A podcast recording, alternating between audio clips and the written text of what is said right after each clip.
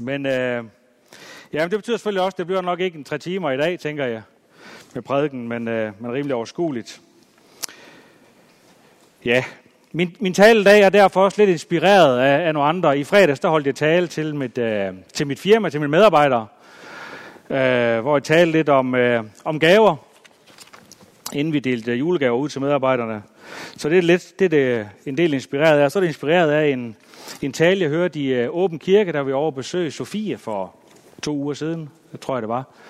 Uh, hvor vores, uh, vi kom derover, så var Johannes derovre, uh, som vi kender fra apostolsk her jo. Så det vidste vi ikke, så han, han var over og prædike. Fantastisk dejlig prædiken, så den har jeg også stjålet lidt fra. Så det er sådan, jeg kommer i mål med det, vi skal snakke om i dag.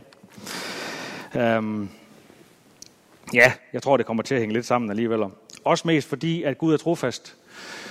Gud er her, og, øh, og han kan jo gøre alt jo. Så, øh, så lad os være, være i forventning til, at øh, det vil han også gøre nu. I år, der skal vi holde jul. Øh, det gør vi de fleste år. Men i år skal vi gøre det med noget, med noget familie, som vi ikke plejer at, at holde jul sammen med. Jeg kan huske, at vi gjorde det en enkelt gang. Men det er nogle nær familie, som vi ofte er sammen med øh, flere gange om året. Men vi er ikke rigtig vant til at holde jul sammen. Og øh, det gør selvfølgelig, at øh, der opstår lidt øh, dialoger omkring, øh, hvordan skal det nu foregå det her. Fordi at øh, vi ved jo, at øh, julen er forbundet med nogle dybe traditioner øh, hos langt de fleste. Så det er så noget med, der skal koordineres. Hvad med maden? Skal vi have flæskesteg, eller and, eller kalkun, eller skal der medisterpølse også? Og alle de her forskellige ting. Øh, lige at få, ah, hvad hedder det, forventningsafstemt i forhold til det. Øhm, vi kunne godt, jeg kunne godt være typen, der valgte det hele. Øhm, så er der så noget med mandelgaven. Der er også forskellige uh, traditioner i forhold til den. Hvad nu hvis man har børn? Får de så lov til at få sådan en, mandel lige i deres portion, eller får de ikke lov til det? Det er også meget forskelligt, hvordan man lige ser på det.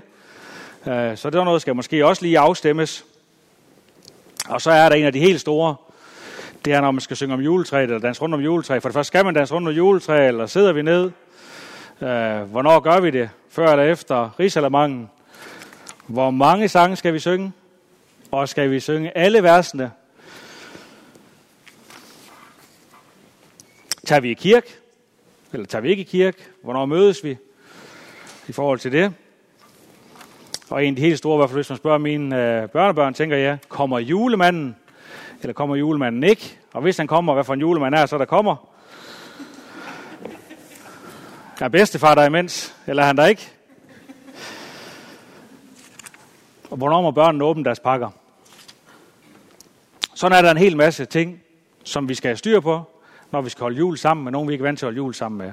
Og det er sådan set meget, meget fin øvelse lige at have, og skal, og skal få tingene til at stemme, og prøve at være med til at, at give lidt af sig selv der, og være åben over for, øh, andre traditioner, hvor svært det måtte være.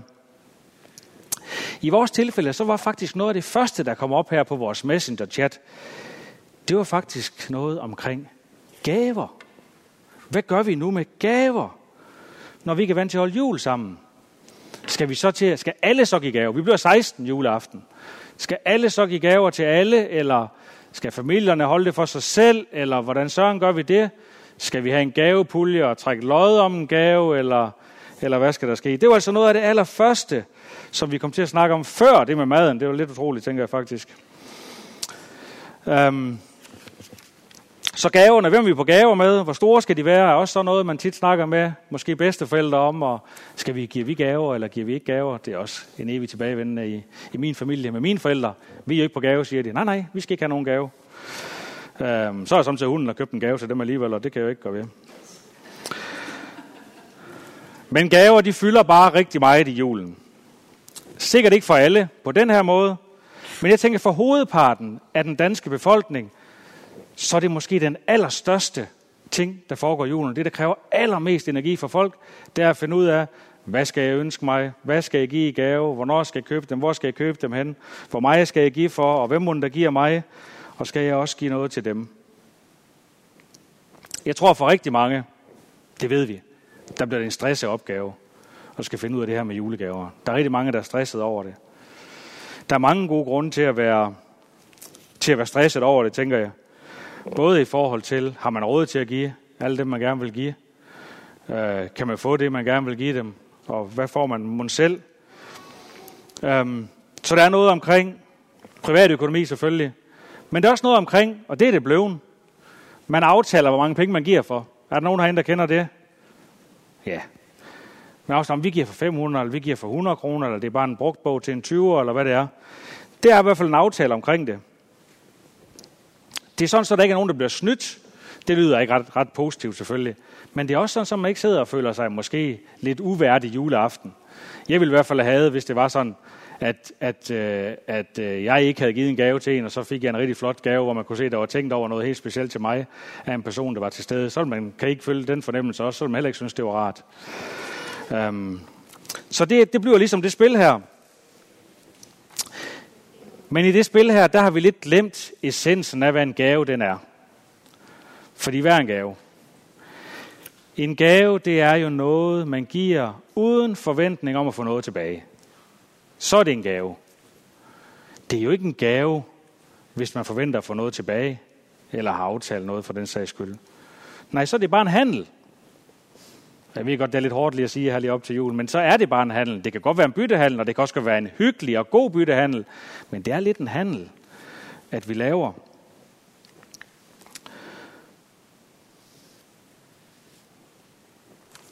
Men gaver.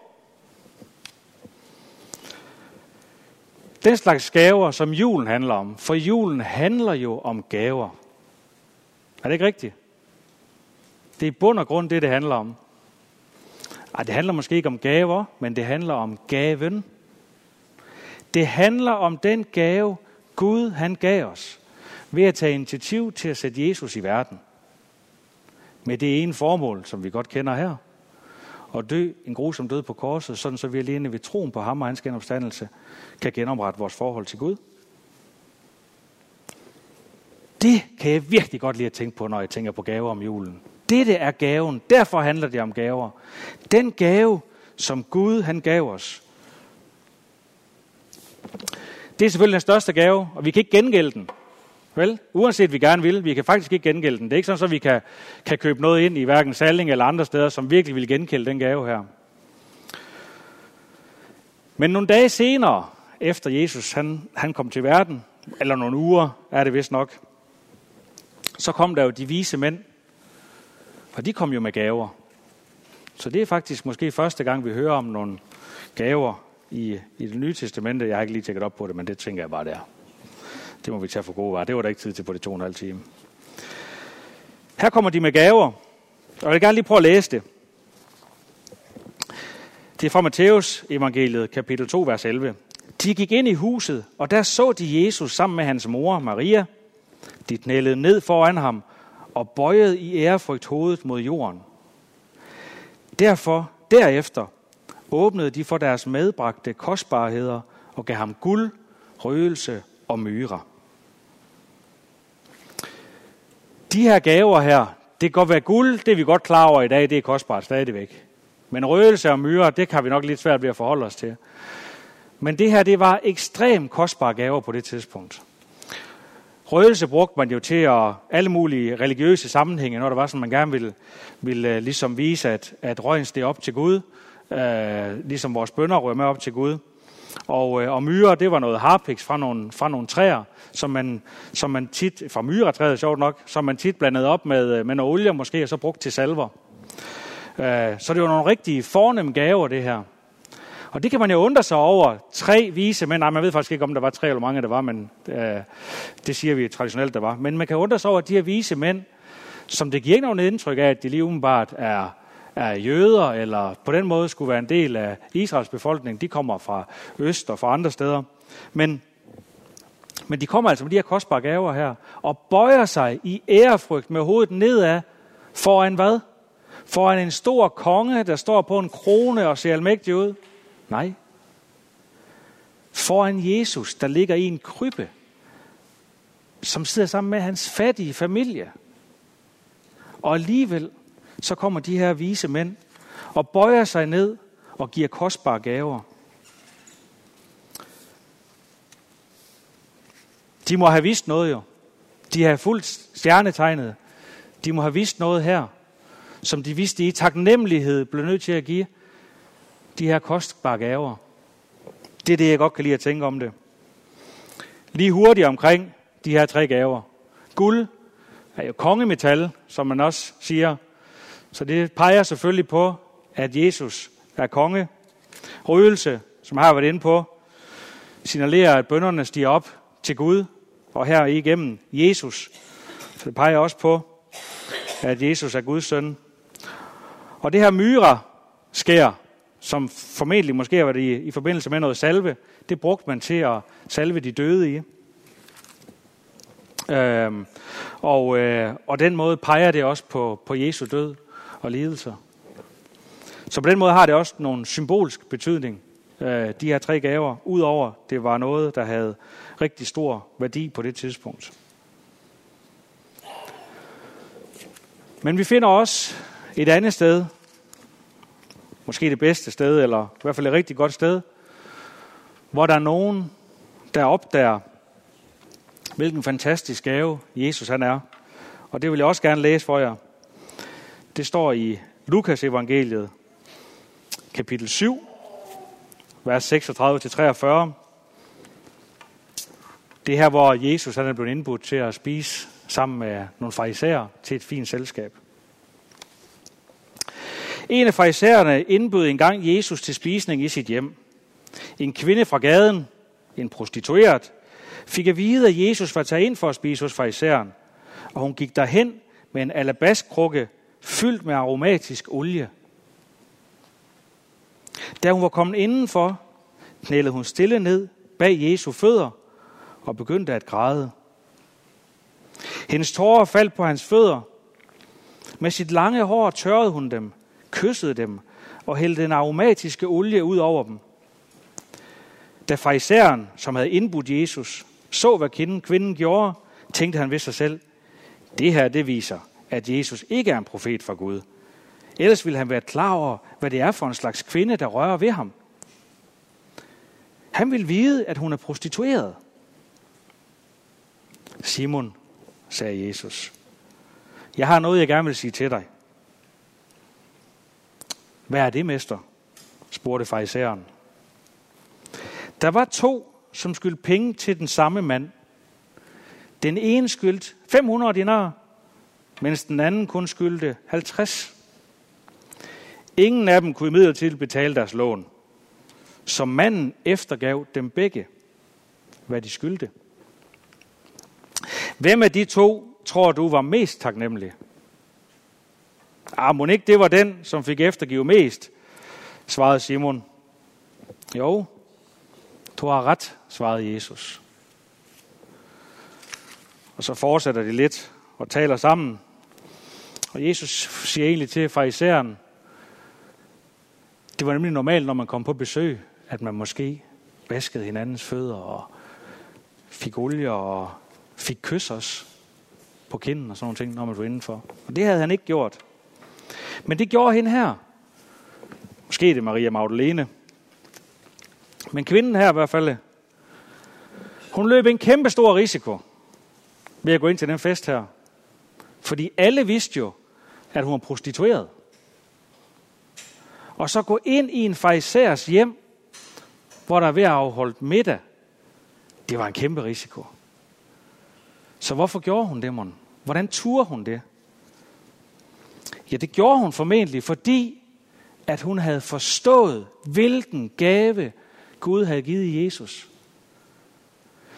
Den her historie her, da jeg hørte den, der blev den også brugt til at understrege, at måske nogen, der har rigtig meget, er mere, rigtig meget brug for tilgivelse, kan samtidig være mere taknemmelige, end når vi synes, vi selv bare svæver og ikke rigtig laver noget særligt forkert, så kan vi måske have lidt svært til det. Men i dag, der vil jeg bare gerne understrege, at det var så stærkt i hende, at hun blev nødt til at løbe den her kæmpe risiko og gå ind og takke Jesus for det, hun vidste, som han var kommet for at gøre. Hun har måske mødt ham tidligere, hvor han havde tilgivet hende, eller havde talt med hende og, og fortalt, hvad det var, han kunne gøre. Men det er jo helt tydeligt, at hun vidste, hvem Jesus var. Og hun vidste, hvad Jesus har kommet for at gøre, og hvilken gave han var fra Gud. ellers så giver det ikke mening, at hun sætter sig derind. Så ville hun aldrig have turet det. For så ville han jo bare have været en, en mester, en, en, end han ville have været den, som Gud har sendt.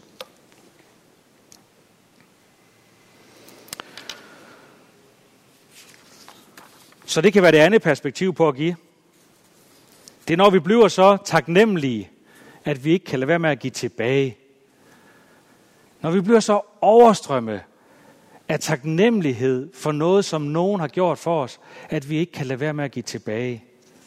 Sådan tænker jeg, at kvinden her havde det. Og det er egentlig også det budskab, som jeg godt kan lide at forbinde julen med. Gud han tog endnu en gang initiativ til at redde os, til at frelse os. Det er gjort mange gange op igennem Bibelen. Noah, Babelstårne, alle mulige forskellige tidspunkter. Han tager hjælp Moses ud af Ægypten osv. Endnu en gang, men den her gang, der er det jo specielt. Der er det endegyldigt. Nu er det endegyldigt. Og alene ved troen på Jesus kan vi få frelse og, og fællesskab med Gud.